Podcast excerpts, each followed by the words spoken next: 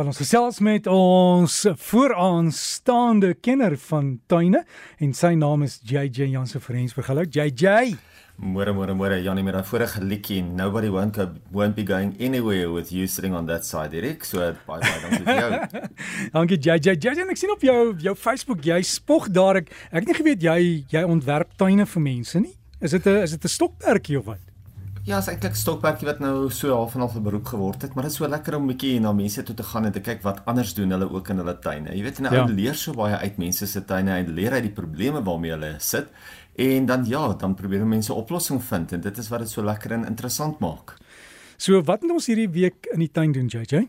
Daar's hy Dirk, met die somer wat nou na die einde se kant toe staan, is dit ook nou 'n goeie tyd om jou tuin bietjie te voer. Nou meeste van jou plante wat nou so mooi blom gedurende die warmer maande, sou ek definitief ietsie gegee wat hoog is in kalium, ietsie aanbeveel het wat hoog is in kalium, soos byvoorbeeld jou 315, jou 185 of selfs jou organies gebaseerde flower power. Nou onthou, daai 5 aan die einde is die kalium en dit bring vir jou blomme, dit bring vir jou algemene krag, dit bring vir jou vrugte en dit laat jou plant net weer mooi lyk. So gee vir hom ietsie wat lekker hoog is in kalium soos die 315, die 815 of natuurlik die organies gebaseerde flower power. Ek sien ook so baie nou dat ek so baie rondry nou dat jy so baie daarvan praat. Ek sien ek baie mense wat besig is met aanbouings by hulle huise of daar's lelike kaal kolle op hulle grasperke en onthou dit is nou jou laaste maand om gras te plant. Ek praat nou spesifiek van jou warmer kitsgrasse dis nie jou kokoejo, jou elm, jou skaapplaas ensovoorts. Nou hoe doen 'n mens dit? Jy vat eintlik 'n gedeelte van die boergrond weg. Jy werk genoegsame kompos en beenmeel in en lê jou gras waar dit nodig is. Baie belangrik om dan daai nuwe gras baie goed nat te gooi en behoorlik vas te stamp direk na die aanplanting.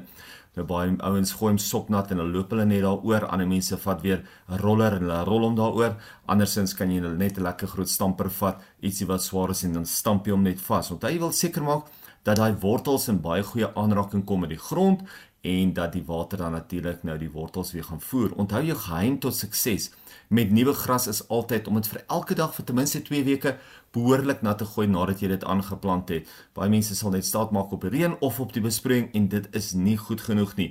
Mense vra natuurlik altyd wanneer moet hulle hulle nuwe gras begin voer en om en by 6 weke later kan jy jou eerste 232 toedien. Mense doen dit nie te vroeg nie want anders se was hy net verby die wortels. Dis ook weer daai tyd van die jaar wat die duiwel se naaigare menige mense se tuine oorneem. Nou ja, daar is baie met baie wat 'n mens kan gaan oplees oor die probleem, maar die belangrikste vir ons as tuiniers is om daarvan ons te probeer ontslaa raak.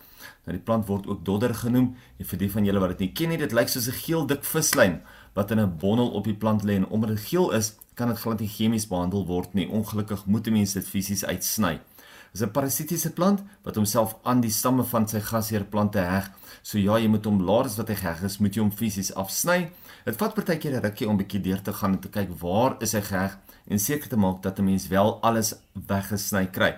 En dan natuurlik moet jy dit vir die volgende 10 dae, 2 weke of so moet jy dit met 'n valkoog dophou om seker te maak dat hy wel nie meer daar is nie. Anders is die probleem dat hy as daar 'n stukkie oorbly, dan gaan hy weer terugkom. Natuurlik indien dit moontlik is, sou ek daai gedeelte van die dodder wat ek afgesny het, sou ek verbrand het want die voël sal dit weer optel en dit weer verder versprei. So ongelukkig as jy 1 jaar of op een stadium dodder op een plek van jou tuin gaan kry, gaan jy hom elke jaar daar kry. So dan moet jy maar elke jaar moet jy maar daar dophou totdat jy so van die probleem ontslaa raak, want daar's altyd saadjies wat val. En as daai saadjies val, gaan hy weer terugkom, gaan hy weer vir jou probleme maak. En JJ, in groot bome lyk dit baie keer soos 'n kraaines wat iemand daar gemaak het, maar geel en hè.